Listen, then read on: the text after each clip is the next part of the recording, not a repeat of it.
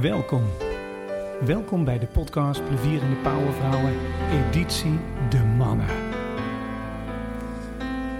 Het doel is jouw leiderschap te ontwikkelen door inspirerende leiders in beeld te brengen. Leiders die het verschil maken met hun verhalen, hun visies. En zo helpen ze ook jouw leiderschap te ontwikkelen. En vandaag zijn dit mijn gasten. It's the of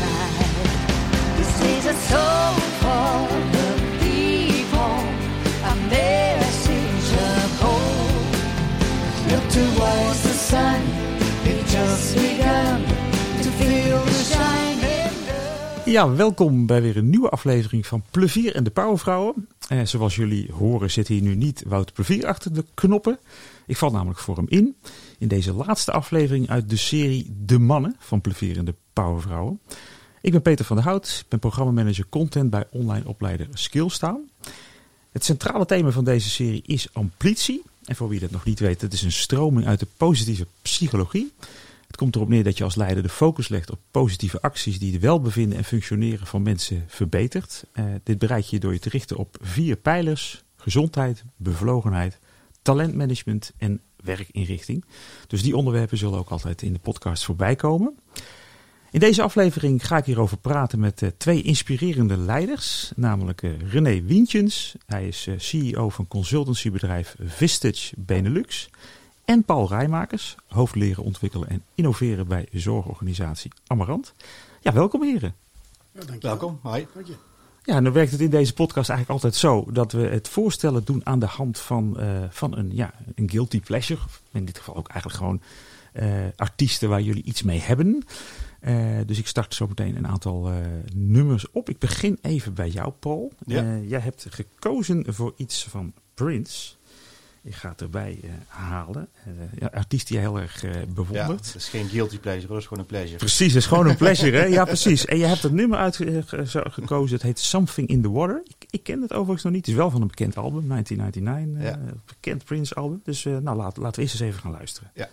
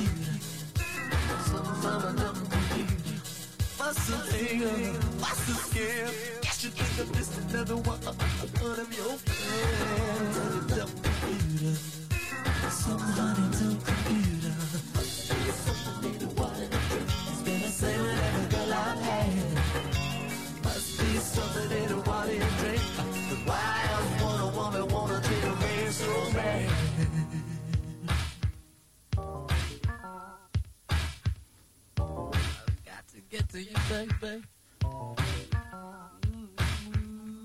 Some people think I'm kinda smart, I with you before we start. Don't me, mama. Something's.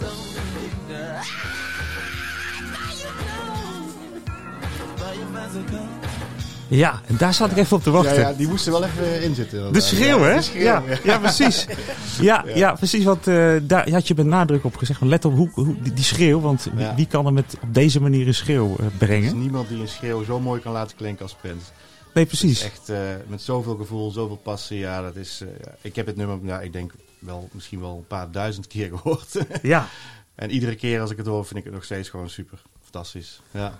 En eh, hoe, hoe, ja, hoe, Prince, is, is het echt een, een soundtrack van jouw leven ook wel, zeg maar, als artiest? De artiest is voor mij echt wel, ja, zo belangrijk. Ja, dat, is, dat klinkt een beetje overdreven, maar het is wel echt eh, voor mij heel bepalend geweest eh, voor hoe ik mij als kind, zeg maar, heb ontwikkeld. Hoe ik naar muziek ben gaan luisteren, hoe ik... Ik heb nog steeds een hele erge passie voor de jaren tachtig. Dat komt Ja. ook door Prins. Ehm, en het grappige eraan is, als je naar zijn teksten luistert, die ik toen helemaal nog niet echt, ja, toen ik een kind was, snapte ik het niet, want ik kon geen goed Engels. Dus ik, ik dacht, Nee. van, die teksten zijn heel erg diep en heel Ja. erg mooi. En- maar dat is helemaal niet. Nee, ik heb ook even zitten lezen met deze tekst. Nee. eh, dit, ja, hij voelt Nee. zich volgens mij door een door Ja. vrouw of meerdere vrouwen zeg maar niet begrepen. En, Nee, eh, nee, en er is iets in het water gedaan. En het gaat Ja. nergens over. Maar het is, het is mooie eraan is dat het dus ook helemaal niet zo belangrijk is. Dus daar kwam ik dus ook later achter van, oh wacht even. Dus muziek kan ook heel erg mooi zijn als de tekst eigenlijk nergens over gaat. En waar zit hem daarin? Daar zit in een bepaalde passie die hij in die muziek brengt. Eh, hij speelde zelf ook 27 instrumenten. Hij speelt alles. Op ieder album Ja. speelt hij alles. Hij maakt alles zelf. Hij schrijft alle teksten, wat, waar hij dus niet zo goed in was. Maar goed, eh, de, de, de passie zat echt in hoe het klonk, hoe het klinkt, zeg maar. Ja. Dus ja. En dat kan hij zo intens goed dat nog steeds nu, hè, eh, na, dat ik het al weet ik hoe vaak heb geluisterd, nog steeds raakt me. Ja, En nog steeds vind ik het fantastisch. En ik luister er ook nog steeds heel graag naar. ja, Eh, ja. vandaar dus. En eh, ja, je, je bent dus hoofd leren ontwikkelen en innoveren ook bij, bij Amarant. Ehm, kan je iets vertellen over, over Amarant en over jouw functie daar? Amarant is een organisatie voor mensen met een verstandelijke beperking. Ehm, de grootste in Brabant. Eh, ongeveer eh, 6000 medewerkers en even zoveel eh, cliënten. Ehm, dus heel breed, heel groot. Eh, wat mensen vaak overigens niet weten van mensen met een verstandelijke beperking, eh, dat als het gaat om eh laag verstandelijk beperkt, dat het ongeveer 2,2 miljoen mensen zijn in Nederland die dat hebben. Ja, Dus het gaat heel om- veel dus. Ja, Ja, een enorme grote doelgroep. Ehm, ehm, ja, en het is ook niet als een ziekenhuis. Hè, maar er komen mensen binnen en uiteindelijk wil je dat die mensen zo snel mogelijk weer gaan. Dat is in het geval van een verstandelijke beperking. Nee. Dat is iets wat je je hele leven hebt. Dus bij ons gaat het ook niet om beter worden. Het gaat bij ons om welzijn en geluk. Je wil Ja. mensen een fijn en zinvol leven bieden en ze daarbij helpen. Eh, ja, mijn rol daarin is eh, verantwoordelijkheid voor het stukje leren, ontwikkelen en innoveren. Oké, Ja. ja. Dus, eh, Eh, en even kijken, eh, de aanloop hier naartoe, zeg maar, deze, heb jij hiervoor altijd al meer dit soort functies gehad? Of heb je een, een, een andersoortige weg eh, afgelegd? Ja, er is wel een meanderende weg, als ik eerlijk ben. Ik, ik heb ook in de telecomsector gewerkt. Oké. Dat is meer een commerciële ja, business. een hele andere werkomgeving. Ja. Compleet anders, ook internationaal, ook gewoon met heel ander soort ja, collega's, werkveld. Was trouwens ook heel erg leuk. Ik miste wel een stukje zingeving. Ja, Een van de belangrijkste drijvers voor, eh, voor werkgeluk. Eh daar wist ik eigenlijk toen nog niet. Daar kwam ik eigenlijk pas achter toen ik op zoek ging, met een coach ging praten en de, met mensen ging praten. Ehm, en toen kwam ik erachter van ja, ik mis iets. Eh, en toen ben ik eerst in het onderwijs terechtgekomen. Toen miste ik eigenlijk, daar miste ik weer een beetje de snelheid en de, ja, gewoon van hoppakee, we gaan dingen aanpakken. ja, ja. En ja, zo links en rechtsom kwam ik terecht in de zorgsector. Oké. En In de zorgsector heeft eigenlijk alles wat voor mij belangrijk is in mijn werkgeluk, namelijk enerzijds wel echt de, de drive, de, de hectiek, de chaos, ontzettend veel uitdagingen, ontzettend veel behoefte aan innovatie, creativiteit en heel Ja. hoge werkdruk.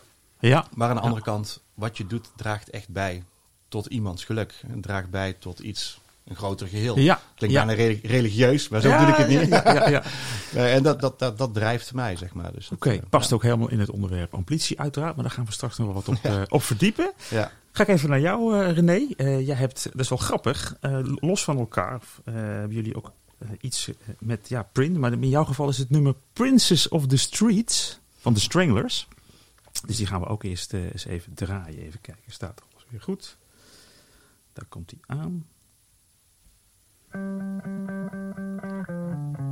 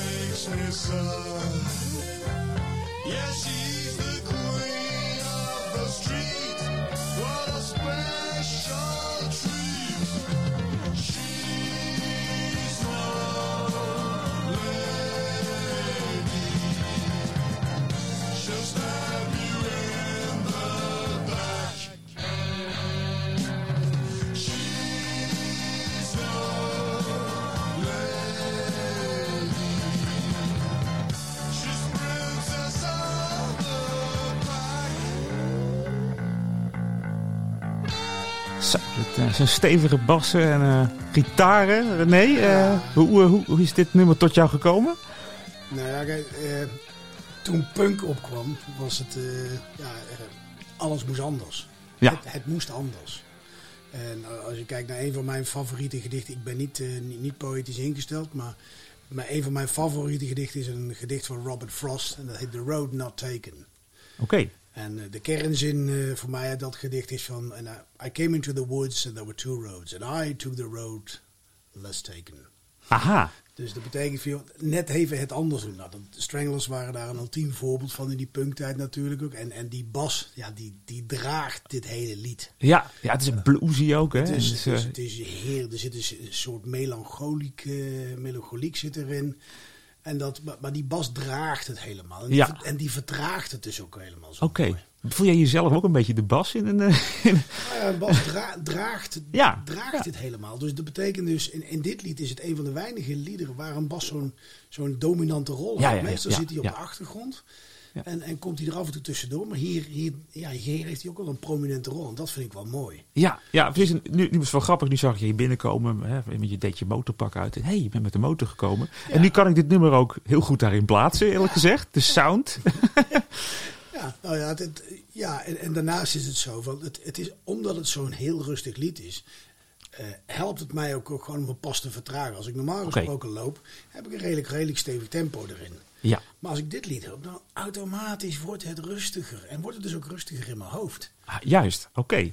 En, en geniet ik gewoon veel meer van wat er op dat moment om me heen is. En realiseer ik ook, zie ik ook meer wat er op dat moment om me heen gebeurt.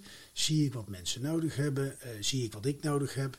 En dat maakt dat, het, ja, dat dit lied voor mij elke keer als ik het opzet, dan voel ik gewoon mijn hartslag naar beneden gaan. Wordt het rustiger. En, Ja, Ja. ja. het, werkt- het werkt voor jou. Ja, rustgevend, zo- zoals je aangeeft. Je noemde al een paar hele mooie dingen. Natuurlijk, waar we zeker op terugkomen. Ook inderdaad, hè, de, de road. En dan neem je de, de weg die het minst eh, genomen is eigenlijk. Dus eh, je kiest eigenlijk niet voor de voor de hand liggende zaak, als ik het zo hoor. Kan je misschien inderdaad iets meer vertellen over, eh, over jezelf en over Vistage Benelux? Waar jij... Nou ja, kijk, aan het roer eh, staat. Het, het meanderende wat Paul eh, noemde, dat, dat herken ik ook wel. Ik, mijn, eh, ik ben van, van oorsprong ben ik moleculaire bioloog, biochemicus. Oké. Dus, dus ik kom uit de puur wetenschappelijke wereld. Maar, maar du moment dat ik dat deed, dat ik daarmee bezig was, dacht ik al, nou, dit gaat niet mijn... dit ga ik niet tot aan mijn pensioen doen. Dat gaat worden. Dat is, dat is veel te diepgaand en ik miste het menselijk aspect. Eh, door omstandigheden ben ik daarna in een, eh, in een commerciële rol terechtgekomen. Eh, omdat ik, nou heel, heel kort gezegd, mijn vrouw en ik kregen, ik, we waren net getrouwd. En op onze huwelijksreis kregen wij een zwaar ongeluk. Waardoor zij in het ziekenhuis terecht kwam gedurende een periode van twee jaar. En ik wilde gewoon een functie in de buurt hebben. En dus ik zat veel in het medische veld. Ik sprak met iemand die in de farmaceutische industrie zat. En die zei, goh, zo kun je wel lokaal blijven werken. Dus zo ben ik inderdaad de farmaceutische industrie ingerold. En van daaruit medische apparatuur. Toen ben ik eh, een tijdje ben ik bij een vriend heb ik geholpen die een, eh, die een motorzaak had. Toen ben ik bedrijfsleider geweest. En uiteindelijk in 2000 heb ik gezegd van nou, wat vind ik nou het leukste van alles? Ja. En het leukste vind ik gewoon als mensen stappen maken. Als ik die, die glinstering in die ogen zie. Als ze Ja. Oh, maar zo kan het ook. En het dan toepassen en dan succesvol zijn. Nou, dat, dat was voor mij echt helemaal top. Ik denk, nou, dan moet ik daar ook invulling aan gaan geven. Dus toen ben ik, eh, ben ik in mijn eerste trainingsorganisatie begonnen. Eh, heb daarbij wel duidelijk de focus gekozen voor, voor de life sciences. Dus voor, voor de, het vakgebied waar ik uitkwam. Die ja. mensen kende ik. Die, Ja. Dat gebied kende ik. Maar van daaruit ja, wordt dat ook steeds breder. En toen kwam 2017 kwam Vistage voorbij. Eh, Een Amerikaanse organisatie, van oorsprong Amerikaanse organisatie, die een concept heeft ontwikkeld waarmee ze eindbeslissers helpen. Ja. En dan met name van MKB-organisatie. En dat concept is een, het is een combinatie van eh, eh, intervisie, één op één coaching, topsprekers erbij. Het hele pakket. Alles wat ik in de loop van de jaren had verzameld aan instrumenten waarmee je dus mensen kon helpen. Ja, dat zit daar in één Ja. concept. Ik denk, ja, dit is gaaf. En de kern daarvan is verbinding. Ja, Mensen verbinden is zo gaaf. Dat is, ja. Ik ben enigs kind, dus ik moest vroeger zelf ook altijd naar buiten toe om verbinding te zoeken. ja, ja. Dus ik dus, en mijn vader was, was directeur. Eh, die had een, eh, een, een bedrijf wat stijgers verkocht. En als hij het niet meer wist, dan reed hij naar Zeeland toe, parkeerde zijn auto aan de duin, liep de duin over. En dan liep hij drie kwartier, geraakt nog als ik, het, eh, als ik het erover heb, merk ik. Dan liep hij drie kwartier langs het strand ja. om een oplossing te vinden voor zijn problemen. En dan stopte hij bij zijn strandtent en nam hij een uitsmijter met ham en kaas en een bak koffie erbij. En dan shockte hij weer terug. En tegen de tijd dat hij weer bij zijn auto was, dan was zijn hoofd stond weer rechtop, had hij een oplossing bedacht. En dan ging hij weer terug en dan ging hij dat uitvoeren. Maar die, de eenzaamheid van die man, Hm. man. Hij moest het zelf in die drie kwartier zien uit te vinden. Moest Ja, hij, hij moest het zelf uitvinden. En dat zie ik bij heel veel mensen, zeg maar, die ja eindbeslisser oké. zijn. Ja, En toen dacht ik van ja, dit is zo gaaf. Dit moet in Nederland, dit moet ook in Nederland komen. ja. ja, eigenlijk een oplossing voor die, in plaats van die drie kwartier in je eentje rondlopen. Ja, praat met mensen. Die, als je twaalf mensen of vijftien mensen bij elkaar zet, je krijgt altijd oplossing. Want je, de mensen steken elkaar ook aan. Ja. En ideeën, ideeën worden steeds beter, steeds beter gegenereerd. Ja, dus dat faciliteer je met Vistage om die mensen bij elkaar te brengen. Ja, en daar heb je dus, daar, daar zetten wij iemand, dat elke groep wordt geleid door een chair. Mhm. En die chair is zelf ook iemand die in die rol heeft gezeten. Dus die kent van binnen en van buiten hoe dat is. ja, ja. Ja, dat is, dat Mooi verhaal. Ja, ja. Dat is dat bij elkaar zetten, dat is zo gaaf. Ja, mooi. Ja, ik, ik zit zelf al heel lang in het vak van leren en ontwikkelen. En allerlei innovatieve methodes voorbij gekomen. Uiteindelijk zit de kracht altijd in dit soort dingen. Gewoon Ja. mens tot mens. Ja, ja. Gewoon het eh, met elkaar in gesprek gaan. ja, Ja. dat is zo mooi om te zien. Nou, dit is eigenlijk een heel mooi bruggetje naar de eerste werkvorm namelijk. Die, eh, dat, is, eh, dat is deze. De overeenkomstenrace.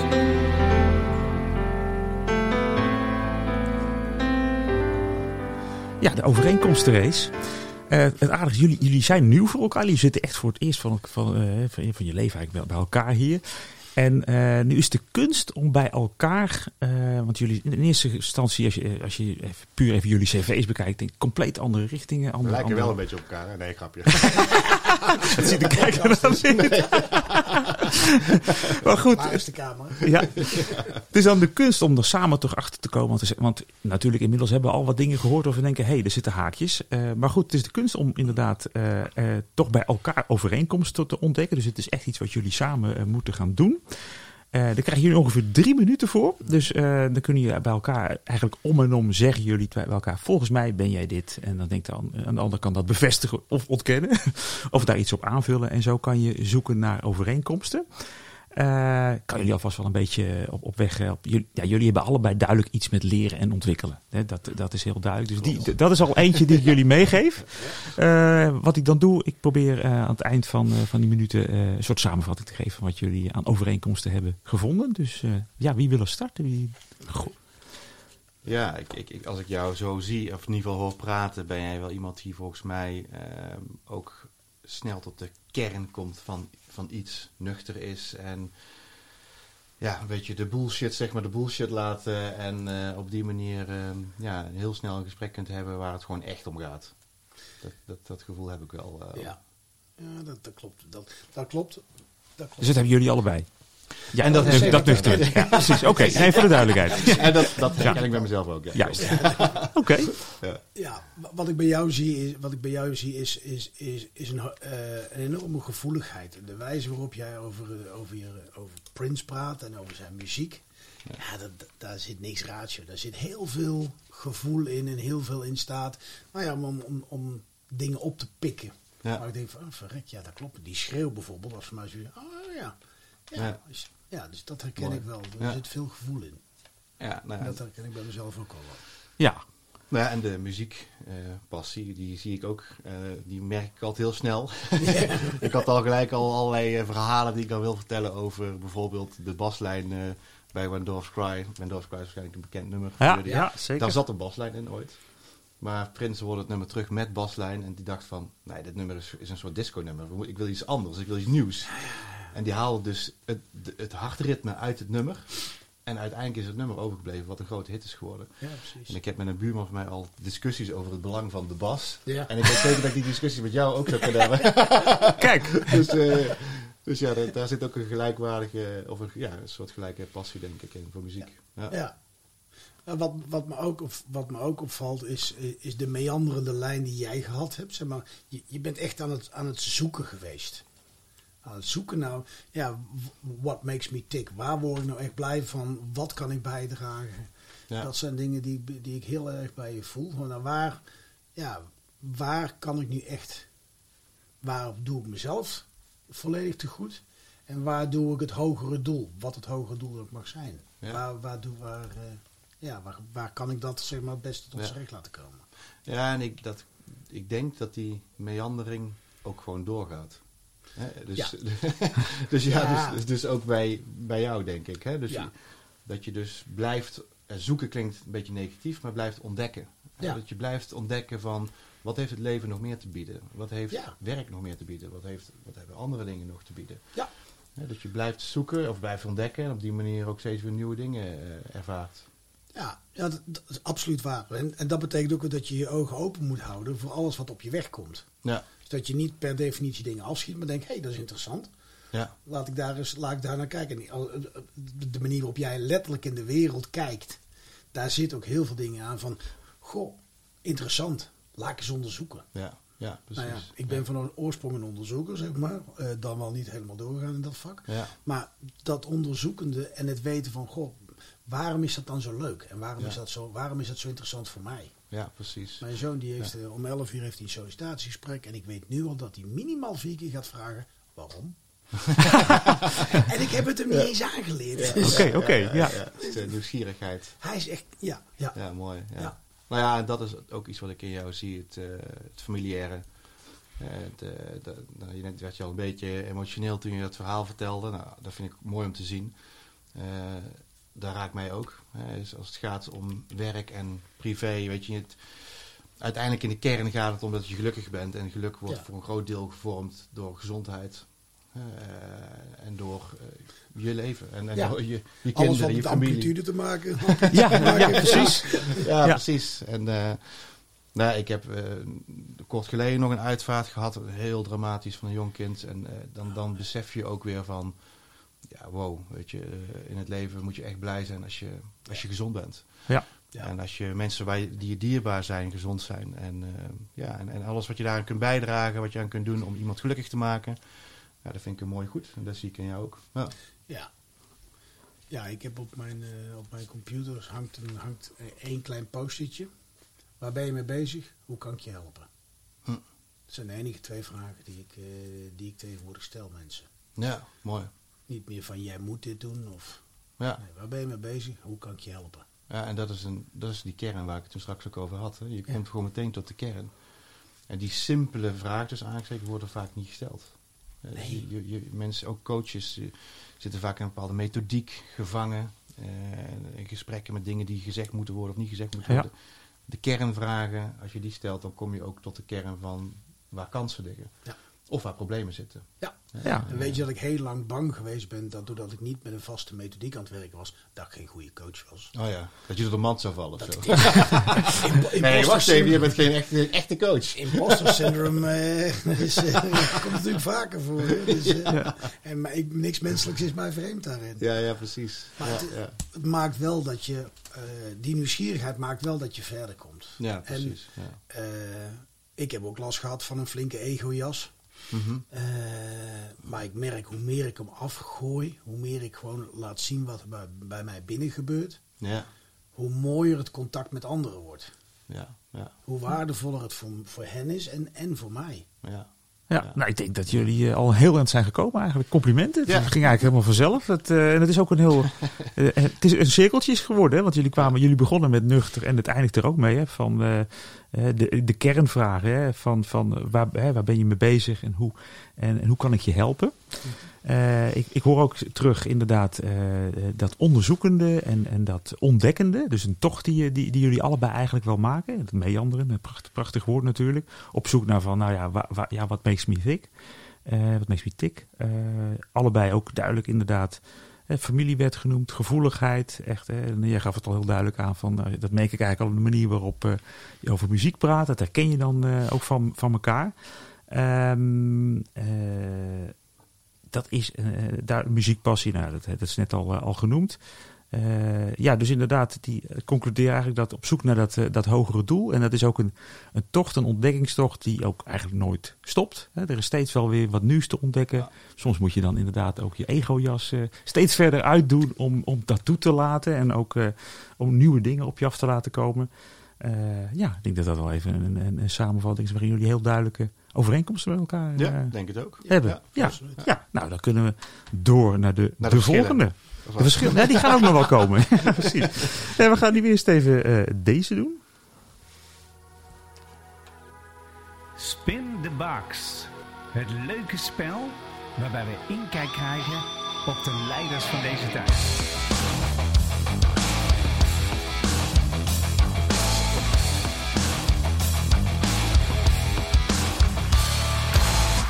Ja, in deze ronde is het inderdaad, dan kunnen jullie elkaar een beetje gaan verrassen. Want ik heb een lijst met 29 vragen, dus 1 tot en met 29. En het is de bedoeling dat om en om dat je een getal noemt uit die 1 tot 29. En dat, dan ga ik kijken welke vraag erbij hoort. En eh, ja, die gaan we dan aan de ander stellen. Dus als ik met jou begin, eh, René, welk getal wil jij eh, voor, voor Paul? eh, 16. 16. Eens even kijken, wat staat daar? Ah, dat is het volgende. Deel iets wat je momenteel doet om je leiderschap te verbeteren. Ehm, ja, dat is ehm, eh, even in, in het kader van de ontdekkingstocht, hè, de Ja. zoektocht. Ehm, ik had gisteren was ik op een event en toen kreeg ik een vraag: wanneer was het voor het laatst dat je uit je comfortzone ging? Ah, En ik moest tot mijn schaamte erkennen dat ik geen voorbeeld kon noemen. Terwijl ik als leidinggevende altijd mensen aansporen Ja. uit je comfortzone, want dan leer je nieuwe dingen ontdekken. En ik dacht van shit, ik heb gewoon te lang niet over mijn eigen ontwikkeling nagedacht. Nee, dus het was ook gewoon een erkenning van het feit dat ik daar weer mee bezig moet zijn. juist. En ik ben dus nu, eh, was ik ook al een beetje mee bezig, maar echt aan het zoeken naar hoe ik eh, ja, weer meer reflectie kan toepassen op mijn, le- op mijn leiderschap. En ik ben op zoek, net hadden we het even in het voorgesprek over, ook naar iemand die mij daarbij kan helpen in, in gesprek, een coach of iets dergelijks. En ik wil mijn, mijn, mijn, mijn scope weer verbreden. Hè? Dus ik zie mijn eigen tekortkomingen eigenlijk. Hè? Dus ik, eh, ja, en, ik, en dat betekent dat ik weer moet ontwikkelen. Ja, dus je bent zo in de ontwikkeling van anderen bezig dat je bijna vergeten bent Ja. om zelf daar ook nog Ja, eh, in- weer in te In investeren. coronatijd we- heb ik ook gezegd, ook van jongens, ik, ik ben er te weinig bezig geweest. Ja. Ik, ik heb gewoon niet het, genoeg die spiegel voor me gehad en, en nagedacht over mijn eigen loopbaan, mijn eigen ontwikkeling. Dus dat wil ik nu echt weer gaan Dat zet je nu voor op de agenda. Ja, zeker. Oké. Ja. Nou, dan mag jij. dat herken ik trouwens bij heel veel mensen die eindbeslisser zijn. Oh ja? Ja. Oké. Die besteden heel. Als je kijkt, Ah, ja. als ik met heel veel mensen praat, zeggen ze van joh, vraag ik wel van joh, wat, wat voor opleidingsbudget heb je? Nou, dan zeggen ze 2 ton, 3 ton, 10.000 euro. Ja. Zeg, en hoeveel daarvan is gereserveerd voor jou? En dan Ja. blijft het heel vaak erg stil. Ja, ja, ja, het is gemiste kans eigenlijk. Hè? De mensen zijn zo mooi bezig met die ander dat Ja. ze niet denken aan, ze, aan hun eigen ontwikkeling. Ja. Maar ja, als zij stilstaan, Ja, Ja, uiteindelijk ja, komen andere dingen ook tot stilstand. Ja, ja, zeker. En je eigen geluk komt dan in gedrang. Hè? Ook dat. Ja, ook dat Ja. gaat, mee, gaat, Ja. gaat mee de bietenbrug op. ja, precies. Ja, kijk. Eh, nou, Paul, dan mag jij een nummer noemen. Zes. Zes. Dus even kijken wat daar staat. Eh, even kijken. Ja. Oh ja. Ja, oké.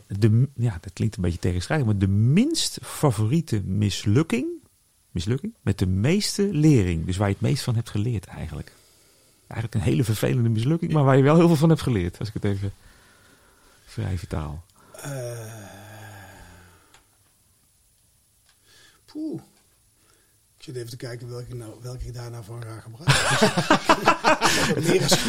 Dus. We hebben de tijd. Ehm, ik heb denk ik het meest geleerd van de stap die ik nam dat ik eh, leidinggevende werd in een organisatie. En ik had de DGA als een van mijn mensen in mijn team. Zij was zowel Oké, mijn ja. opdrachtgever, maar mijn baas. Ja, ja. En hij moest aan mij rapporteren. En ik heb gerealiseerd dat als je dat niet doet met hele, hele heldere afspraken, dan werkt het gewoon niet. Oké, ja. Dan kun je nog zo hard aan de slag gaan, eh, maar dan werkt het gewoon niet.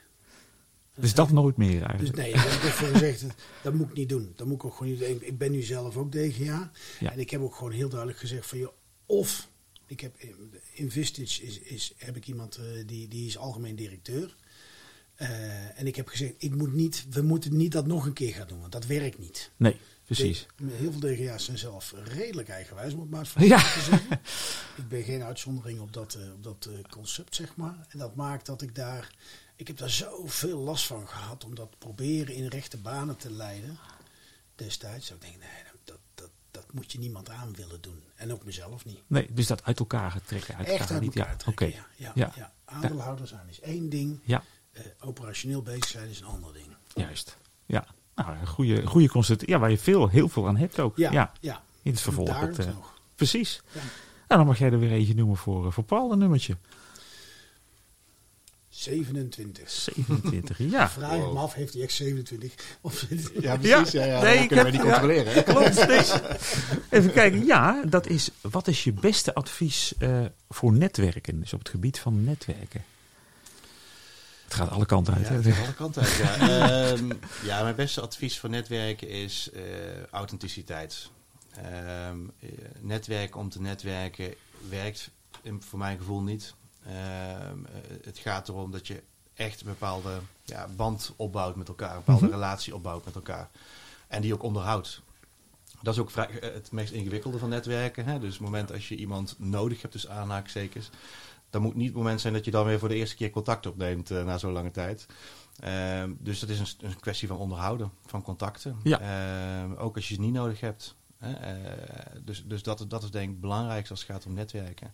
En netwerken vind ik ook een beetje een, een koude term, eh, als Ja. ik heel eerlijk ben. Ja, een beetje zakelijk Een beetje het, zakelijk zo Ja. van, want dan klinkt het ook echt zo van, ah, we doen het door netwerk om netwerken en dan gaan we naar een netwerkevent. Het, het is gewoon sociaal bezig zijn. Hè? Het is Ja. gewoon eh, een band opbouwen met de mensen wie je samenwerkt. En het zijn niet alleen de mensen met wie je samenwerkt, zijn dus ook soms vrienden, die werken ook ergens, die kunnen je ook helpen. Ja.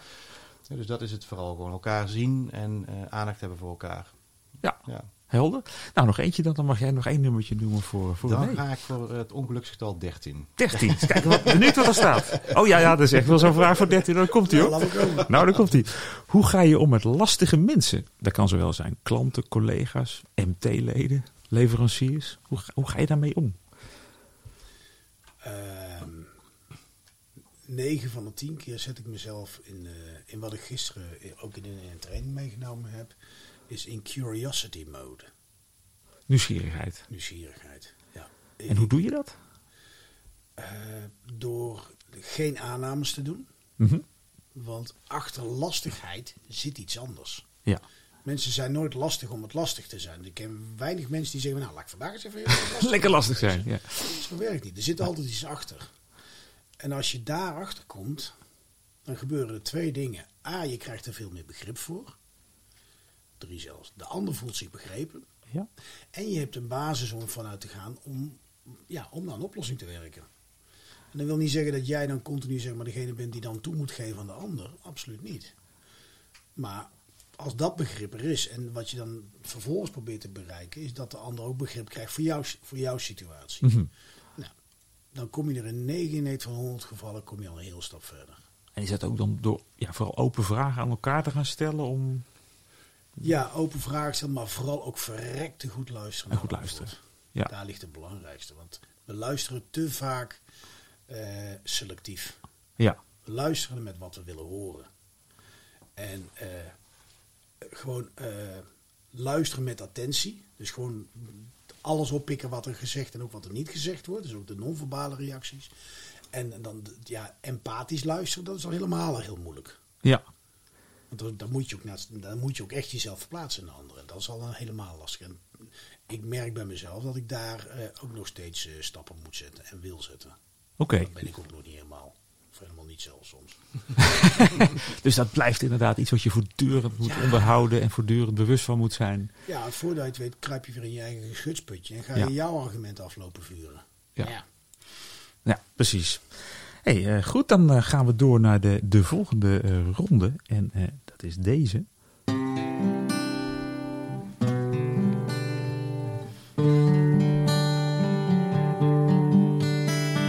Positive change.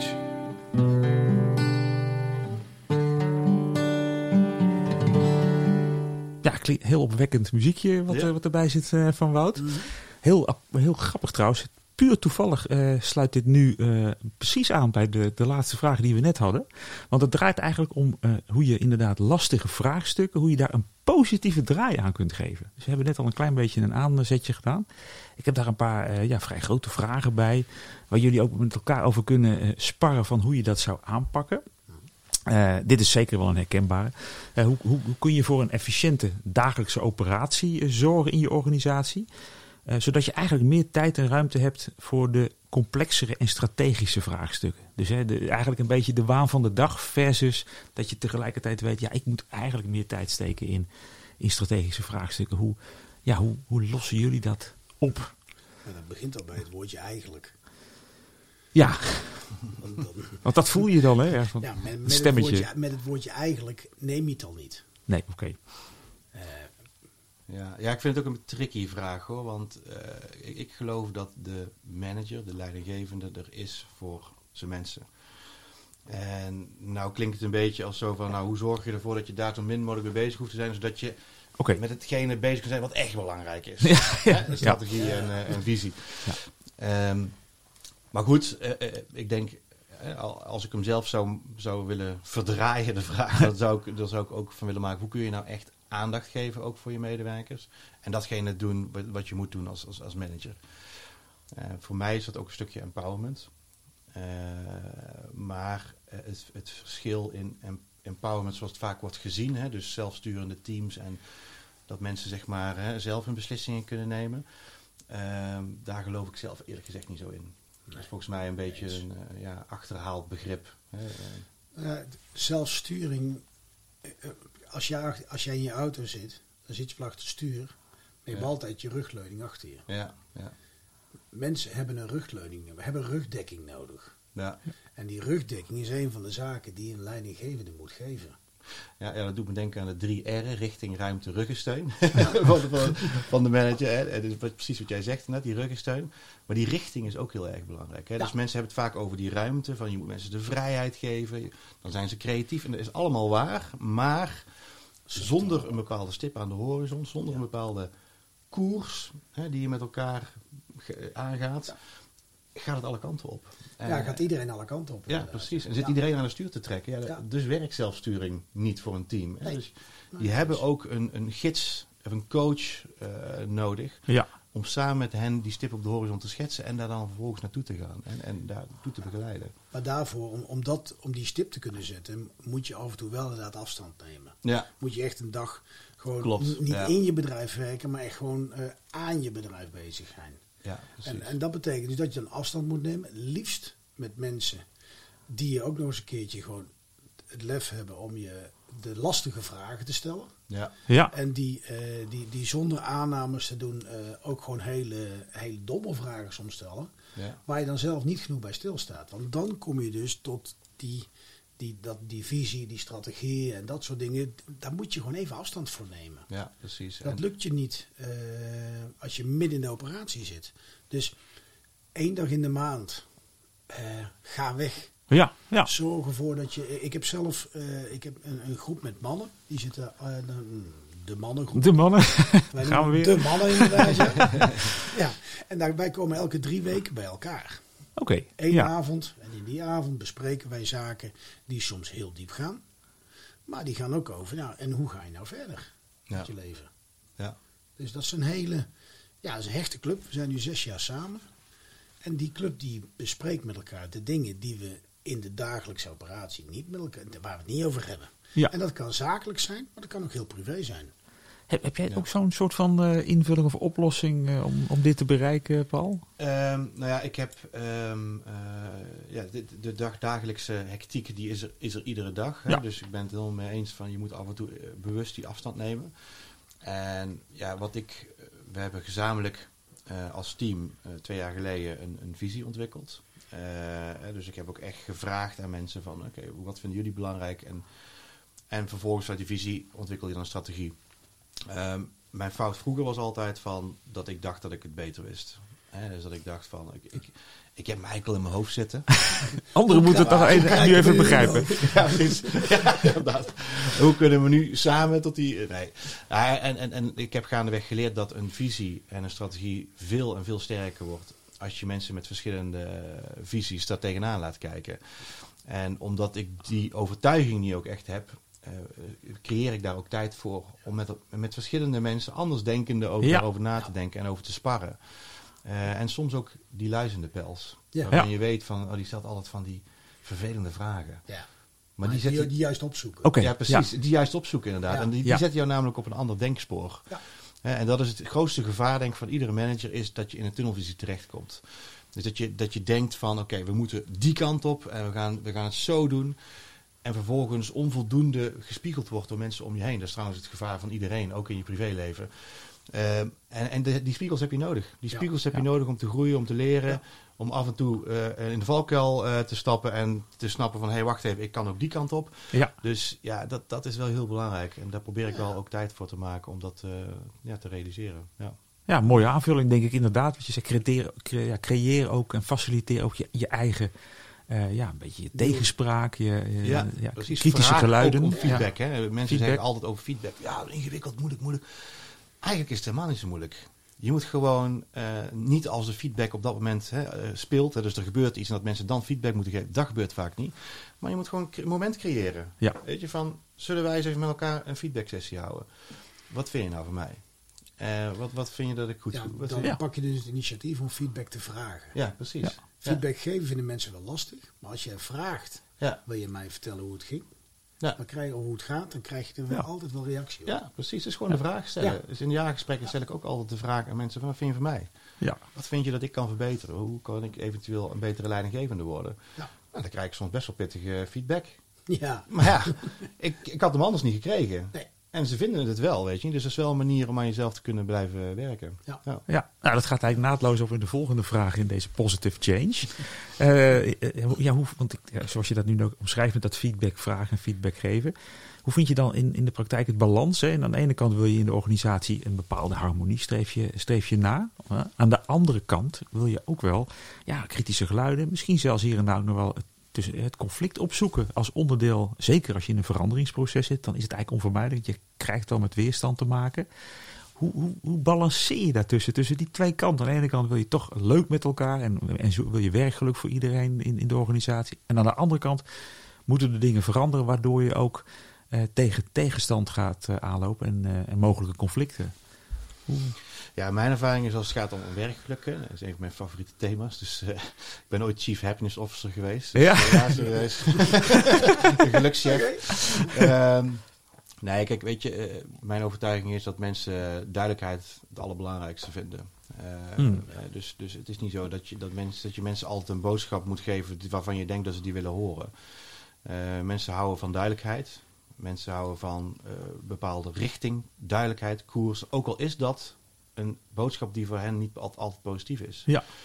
Eh, en dat is ook in zo'n gesprek is het ook soms dan niet positief. Maar later komen ze er altijd op terug dat het toch geholpen Ja. heeft. Hè? Eh, en dat het toch positief is uiteindelijk. Ik weet niet of jij daar ook zo... Ja, ik herken, ik, herken dat, ik herken dat zeker wel. Kijk, bij sommige mensen zie je gewoon, ja, dit, dit is bijvoorbeeld niet jouw pad. Ja, Dit, waar wij heen willen met de organisatie, ligt niet in de lijn hoe jij als mens, of als, als, of als functionaris bij wijze van spreken, maar in ieder geval als mens in elkaar steekt. Ja, dat moet je toch bespreekbaar maken. Van, Ja. joh, dit is de situatie nou eenmaal. Eh, zolang je meeneemt van, joh, ik, ik begrijp dat het voor jou niet fijn is, maar dit is wel het, het punt. Dus de harmonie hou je door, aan, door, door mee te geven, joh, ik begrijp je, Ja, maar dit is waar we als organisatie heen gaan. ja, En dan is het aan de persoon zelf om daar ook nog een beslissing in te nemen. die kan er zelf ook nog kiezen van ja, wat wil ik daarmee? Wil ik, meze- wil ik mezelf ontwikkelen of aanpassen in die richting? Of is het te ver van waar ik heen wil Ja. en neem ik de beslissing? Nou, dan baal ik ook weer als iemand de beslissing neemt van nee, dit is toch niet voor mij, ik ga een andere kant op. Ja. Maar voor de organisatie en voor de persoon is het wel het beste. Ja. ja. En wat je zegt ook, het is ook duidelijkheid Ja, bieden. het is die en, duidelijkheid. en dat helpt eigenlijk ook wel weer in de harmonie. Ja. Als je kijkt naar de opvoeden van kinderen, dus daar, daar zie ik ook wel eh, overeenkomsten in. Eh, ik geloof ook niet zo in de hele vrije opvoeding. Eh, wel in dat creativiteit moet worden gestimuleerd en eigen verantwoordelijkheden. Ja. Maar ook hiervoor geldt duidelijkheid, kaders. Eh, wat, is, eh, wat kan, wat, spiegels voorhouden. Hè. Wat is niet verstandig. Uiteindelijk wel zelf ook laten inzien. Hè. Dus dat inzicht is ook heel erg belangrijk. Maar eh, kinderen helemaal vrij laten, ja, dat gaat alle kanten op. En, en de kinderen worden daar ook niet gelukkig van. Die hebben Nee. ook die duidelijkheid nodig. hè. Ja. Dus die hebben ook het gevoel nodig van... hé, hey, er zijn kaders. En die kaders zijn omdat je van mij houdt. Niet omdat jij eh, het leven vervelend wil maken Nee, precies. als vader. Maar gewoon omdat je mij wil begeleiden en, en guiden, zeg maar. Ja, Hè? En ja. Dat is het. Want die eh, kaders krijgen ze straks in de, bui- in de boze buitenwereld. Ja. Ja. Krijg je er ook mee te maken. Ja. Precies, precies. Ja, inderdaad. En, en, en da- ik denk dat dat een van de redenen is waarom veel kinderen, of jongeren, sorry, ook depressief zijn. Hè? Dus eh depressief eh, cijfers, depressiviteitscijfers zijn ontzettend hoog bij, bij jongeren. Ja. En dat komt vaak omdat ze voor in, in, het, in de echte boze buitenwereld voor het eerst een baan feedback krijgen. Ja. Van, hé, hey, dit doe jij niet zo goed. Weet je? En wow, ik doe het niet goed. Dus ik heb jarenlang gehoord dat ik alles hartstikke goed doe. Precies, was ik gewoon... eh, Ja. ja. ja, precies. Ja, en dan moeten, dan moeten mensen, kinderen, moeten daarmee om leren gaan. En, en snappen dat, dat het zo werkt. Je Ja. doet niet alles goed. Nee, soms eh, zijn dingen die beter kunnen. Ja. En daar mag best over gesproken worden. Op een manier dat je mensen helpt natuurlijk om Ja, daar om wel verder te, te leren. Hè? Ja. bedoel, Het is niet alleen maar feedback geven en zoek het maar uit. Nee, nee, nee. nee. nee. Maar eh, ja. Nee, maar en, het andere is die kaders waar jij het over hebt. Eh, zonder die kaders is er een onge- ongelimiteerdheid aan keuzes. ja, Ook dat maakt het voor mensen niet makkelijk. Mhm. precies. Ja. Dus Keuzestress. Ja, Ja. Het, het levert heel veel keuzestress. Als ik kan kiezen uit pindakaas of chocola, Ja. chocoladevlokken, is de keuze makkelijk. Maar als ik melkchocolade, puur chocolade, grote chocolade, eh, Ja. eh, biopasta, pure pasta, joh. Ja. ja, precies. Ja. Ja, mensen hebben ook begeleiding daarin nodig. dus soms, hè. kaders geeft kaders, heel veel, ja. heel veel houvast. Ja, ja. ja dat, is al, dat is een terugkerend thema ook wel hè, in, in, in deze podcast. Eh, wat, ook, wat je ook net al aanraakte, Paul, inderdaad. Van, van, de- vroeger dacht ik van, ik wist wel hoe het zat. Dan hoefde ik het alleen nog maar even uit te leggen aan de mensen. in, in, in, eh, Even uitgaand inderdaad van de goede intentie. Dat is eigenlijk mijn laatste vraag in die positive change. Ja, hoe kun je ervoor zorgen dat, dat, dat je goede intenties ook het gewenste positieve effect hebben voor de organisaties? Hoe breng je dat over? Hè? Wat, eh, wat je Ja. al aangaf, op zich bedoel je het misschien wel goed of heb je wel best een goed idee, maar hoe zorg je dat het ook op een of andere manier positief gedragen wordt binnen de organisatie? Ja, ook hier eh, geef ik weer hetzelfde antwoord dat ik eerder op een andere vraag ook al gaf. eh, authenticiteit. Eh, ik denk dat het heel belangrijk is dat jij als mens wordt gezien die goede intenties heeft. Ja. En dat er niet een een of andere hidden agenda is of een, Hmm. een groter iets waar, waarom jij iets doet. Mensen zijn vaak soms al wel een beetje suspicious van, hè, maar wat is zit hierachter? Dus je moet het eerlijke verhaal vertellen. En daarin moet je jezelf ook kwetsbaar opstellen. Eh, dat je soms dingen ook niet weet. Hè? En Ja. dat je soms ook denkt van, ik denk dat dit de beste route is. Ik weet het niet zeker. Ehm, of kunnen jullie mij helpen hiermee? Ja. En ik denk als je je kwetsbaar opstelt, is gewoon ja, jezelf zijn. Ja, het is, het is een open deur. Maar ja, ik denk wel dat die heel erg belangrijk is als het gaat om, eh, ja, om, om, om ook echt eh, gezien te worden, en gerespecteerd te worden in je keuzes. En ook mensen daarin eh, in mee, te, mee te krijgen. Ja. Eh, ik denk dat dat een hele belangrijke is. Ik wel benieuwd René, want je hebt natuurlijk vaak ook inderdaad eh, directeuren, CEO's bij elkaar in zo'n groep. eh, die hier natuurlijk ook wel, misschien elkaar hier ook mee confronteren. Met, met van nou, ik heb deze intentie met mijn organisatie. Ik denk dat ze wilden sparren met elkaar. Ja. Hoe gaat dat dan in die dynamiek tussen zo'n in zo'n groep? Eh, als je niet oplet, dan, eh, dan gaan ze elkaar heel snel oplossingen lopen geven. Ja, oké. ja. En, en eh, de, de kern zit erin dat je mensen eerst even goed na laten denken van, joh, hoe is de situatie nu eigenlijk? Dus ook de, de, de, de facetten die ze nog niet bekeken hebben, om die te laten zien. Nou, dat is een van de redenen, dat is een van de belangrijke rollen die een chair ook heeft in zo'n groep. Ja. Die die groep voorzit. Om te zorgen dat er eerst eens een keer heel goed gekeken wordt naar, naar de situatie. Van joh, wat maakt nou dat jij een positieve intentie hebt? Een van, een van mijn leden die wilde een, een, een hele mooie transitie in zijn organisatie doorzetten. En die kreeg gewoon een paar mensen niet mee. Ja. En die stond op punt om ze gewoon eruit te donderen. En toen werd er dus een aantal vragen gesteld. Van, ja, maar hoe zit, hoe zit die persoon dan? Hoe lang werkt hij er al? En wat speelt er dan? En hoe is zijn interactie met die andere afdelingen? En in één keer kwam hij erachter van... Oh, vrek, maar daar zit de angel... waardoor deze persoon niet in die positieve modus komt. Ja, Nou, toen is hij daar een gesprek over gaan voeren.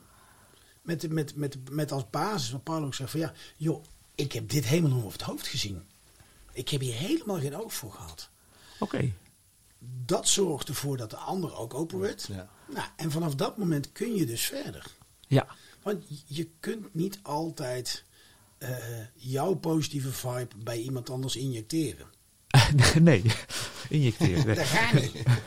Als dat zou kunnen, zou de wereld een stuk makkelijker zijn. Dat hebben we de afgelopen- dat hebben we de afgelopen twee jaar mee geprobeerd met, met allerlei andere dingetjes. Moet je Ja. Poetin een positief spuitje geven. Zo, dat zou mooi zijn. Oh, Dat zou heel fijn zijn, dat ja. zou mooi zijn. Maar goed, Ja. dat kan niet. Dus- Dus, dus het in laten zien. Eerst inzien van, oké, wacht even, hier heb ik ook wat in te doen. Hier, Ja. heb ik ook, hier, heb ik, hier heb ik misschien ook een foutje in gemaakt. Dat durven toe te geven. Maakt al dat meer mensen in een, posi- in een positievere mood komen. Bedoel, Ja. Toen ik Vistage begon was het hetzelfde. Ik begon alleen.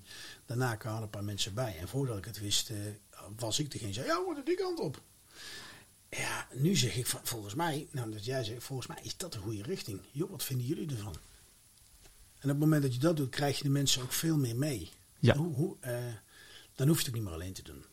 Nee, precies. Je gaat ook eigenlijk al draagvlak creëren op het moment dat mensen gaan aanhaken. Ja. Oké, nou dat brengt ons eigenlijk eh, bij de laatste ronde alweer.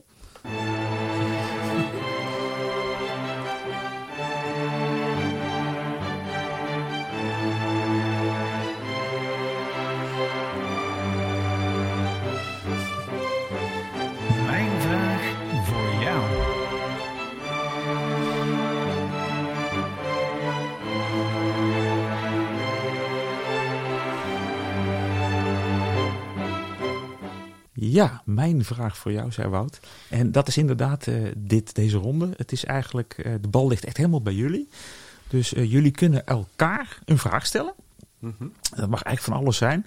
Eh, ja, ik kan het een beetje kaderen om met die woorden te gebruiken. ja, heb ik hier een ingewikkelde Help ons. Ja, ik zal even helpen, ja. ja en welke vraag heb je dan voor de ander waar je benieuwd naar bent naar het antwoord? Waarvan je denkt, nou, ik zit al heel de tijd met hem te praten. Ik ben eigenlijk wel benieuwd. Ik zou hem deze vraag nog willen stellen.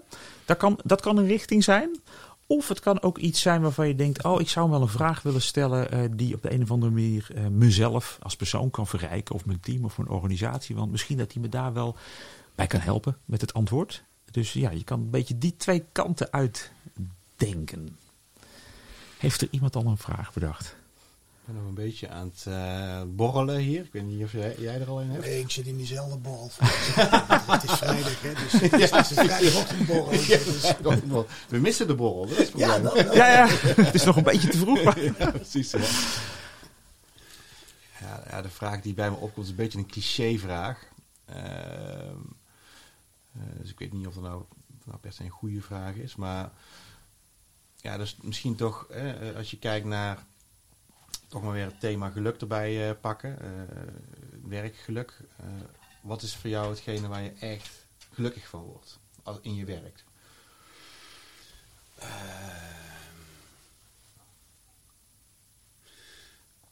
Voor mij is, is voor mij persoonlijk is, is geluk dat ik, dat ik in verbinding kan staan met mijn mensen, met mijn klanten. Eh, op een manier waarin ik en de ander volledig zichzelf kan zijn. Hm. Mooi, Want dan is het geen. eh, dan, zit er geen dan zit er geen toneelspel. Jij zei net van joh, ja, sommige mensen dan. eh, dan, dan ja, net alsof ze een toneelspelletje opvoeren. Dat Ja. zijn niet de woorden die je noemde, maar dat nee, het, precies. dat Ja, het niet authentiek was. Ja. Ja, Eh, en eh, ik heb te lang in mijn leven, zei eh, opa, he- heb ik, eh, he- heb ik die, dat, die authenticiteit niet gehad. Hm. En ik merkte, hoe- ik merkte hoeveel energie dat kost, Ja. achteraf. En ik merk ook dat ik daarmee de aansluiting bij anderen ook net niet maakte. Ja. En dan wordt het, dan wordt het echt werk. Ja, precies. Ja. En als het vanuit de authenticiteit de verbinding ontstaat, ja, dan kunnen er zulke mooie dingen gebeuren. Ja.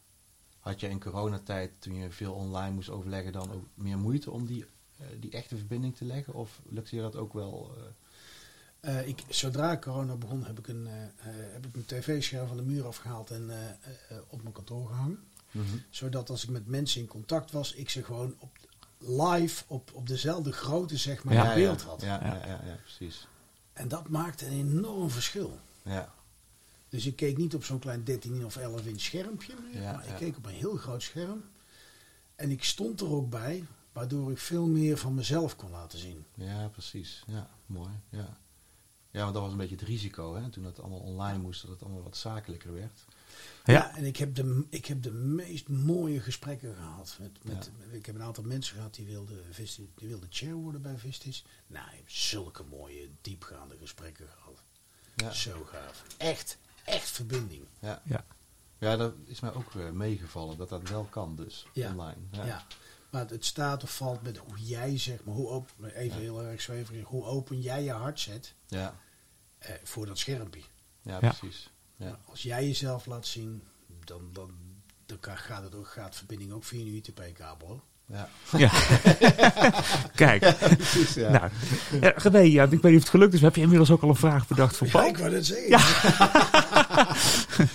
Eh,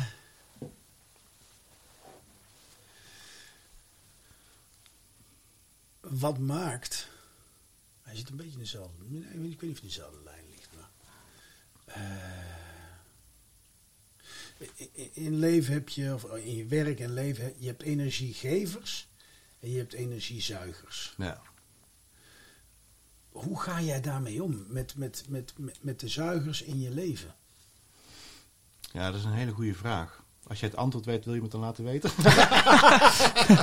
Je kunt, je kunt ze niet allemaal, je kunt ze niet altijd uit de Nee. deur gooien. Nee, ja, weet je, ik, ehm, er is, er is een, een leerproces. Hè, want de energiezuigers die zijn er. Ja. En die blijven er ook. Eh, wat ik wel gaandeweg heb geleerd is dat eh, alles wat je aandacht geeft groeit. Mhm. Eh, en dat betekent dus ook dat je het een plek moet geven. Dat je het moet accepteren. Dat je ook moet weten van, ja, een dag bestaat nou eenmaal uit energiegevers en energiezuigers. En soms bestaat een dag voor een groot deel uit energiezuigers. Ehm, en de kunst is om dat gewoon te accepteren. Hè? Dat is zo. Eh, en daarbij stil te staan.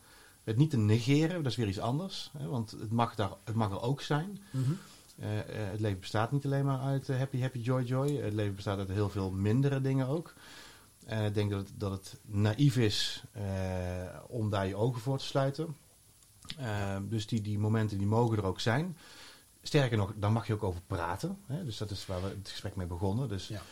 eh, ze noemen dat tegenwoordig volgens mij conversational learning. Er overal wordt wel een interessant woord voor bedacht, maar het gaat er gewoon om. We gaan met elkaar in gesprek. Ja. Ehm, en, ja, en, en dat is dus iets wat je denk ik gewoon eh, moet doen. Accepteren dat je ook die energiezuigers hebt. Erover praten met mensen. Dat kan ook met je, met je vrouw zijn of met een vriend zijn of wh- whatever. Dus het niet je ogen te versluiten, maar ook gewoon accepteren. Ja. En weten dat als er een mindere dag is geweest, dat de kans groot is dat er weer een betere dag achteraan gaat komen. Ja. En niet die, op die betere dag dan gaan terugdenken van, oh shit, gisteren was echt wel een vervelende dag. Hè, eh, zonder het te negeren. Eh, maar dat, ja, dat, is, dat is een beetje manier hoe ik ermee om kan gaan. Maar dat klinkt allemaal heel erg mooi en heel erg gelikt. Maar dat is voor mij soms ook gewoon nog een struggle. Ja. Dus soms ook dat ik denk van, ja, shit, hoe ga ik er nou mee om met deze energiezuiger? Hè? Ja, Dus, precies. eh, ja, dus vaak Ja. kun je het goed vertellen, maar om het ook zelf toe te passen in de praktijk is vaak lastig. Kijk, ja, toch nog een hele mooie vraag eh vonden René. Ja, ja. Ja, nee, nou hier zijn we zo'n beetje mee aan het einde. Ik zat daar even te denken van wat is nou een samenvatting van dit gesprek. Dat is best lastig. Maar ik zie toch wel een soort, soort nou echt wel een ontdekkingstocht. Eh, denk, ja, René, jij begon natuurlijk heel mooi met het voorbeeld van, van jouw vader. Wat er wel heel erg beelden. Je ziet, hem, je ziet de man ook op het strand lopen, zeg maar, drie kwartier. Eenzaam. en van waaruit eigenlijk ook jouw passies ontstaan om het anders te gaan doen. En dat heeft misschien ook wel te maken met, met de ontwikkelen, eh, ontwikkelingen die, eh, die daarna zijn gekomen. En die we nu andere mogelijkheden hebben om juist ja, met elkaar in gesprek te gaan. Dus eigenlijk de, de rest van, van de podcast ging het ook heel erg over van oké, hoe sta ik daar zelf in? afstand nemen, maar wel de, de, de input vragen van, van anderen. Kritisch daarin zijn, feedback eh, vragen ook vooral. Niet alleen wachten tot het gegeven wordt, maar ook echt eh, vragen, want dan, dan, dan leer je. Dat was natuurlijk ook bij jullie beiden heel duidelijk van, eh, ja, niet vergeten om ook zelf te leren. Want je bent bezig met anderen om ze te helpen en te leren. Dat is natuurlijk ook best wel een hele duidelijke drijfveer van jullie allebei. Maar daarbij kan je nog wel eens jezelf wel eens wat vergeten. Dus ik denk ook een, een goede constatering van let op. Maak daar ook, eh, ook tijd voor eh, om, dat, eh, om dat te doen. Plan daar ook echt gewoon voor, je- voor jezelf gewoon een, een moment voor in. Op een bepaalde manier. Dus, die, dus, die, dus die, eigenlijk al, allemaal manieren om, om te voorkomen dat je in je eentje op het strand moet lopen om Ja. dingen op te lossen. Ik denk dat dat wel een beetje het, het, het cirkeltje is van wat ik, wat ik heb gehoord. Eh, hoe vonden jullie het trouwens? Leuk. Ja. Ja, Ik heb één aanvulling nog erop. Ja, daarbij. zeker. Eh, ik vond, eh, wat Paul ook een aantal keren noemde, authenticiteit. Je hoort er voor mij ook nog Ja, bij, de ja. samenvatting. Ja, ja. Ja. Want eh, door jezelf te zijn en ook jezelf kwetsbaar op te stellen. eh, Nodig je anderen. Ja, precies. nou, je ja. opent je hart en dan openen anderen ook je hart. Ja. Dat Ja, precies. een beetje zoetsappig, maar het werkt het is wel zo. ja.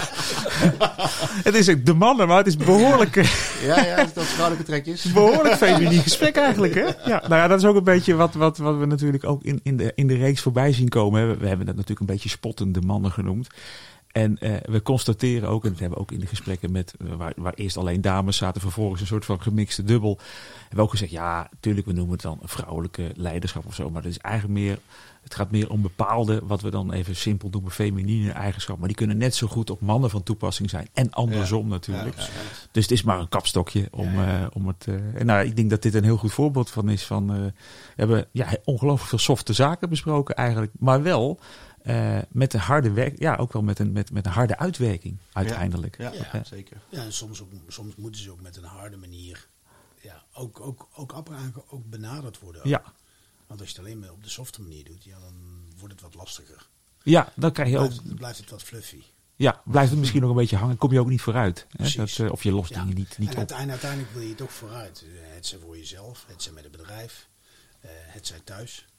Ja, Ja. Dus ja. Nou, lijkt me een prachtige afsluiting.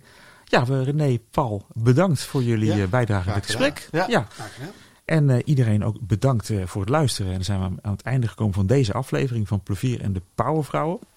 De serie De Mannen is daarmee afgerond. Maar uiteraard gaat Wout gewoon verder met de serie De Powervrouwen. De nieuwe reeks is alweer, die loopt alweer. Dus die, die gaat hierna gewoon weer door. Dus ook namens hem tot de volgende keer. Oké.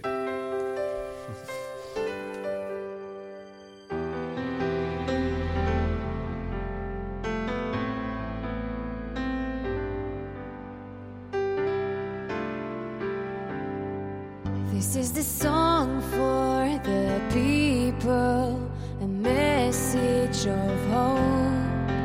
Open up your eyes, look to the sky, the sun will shine on us.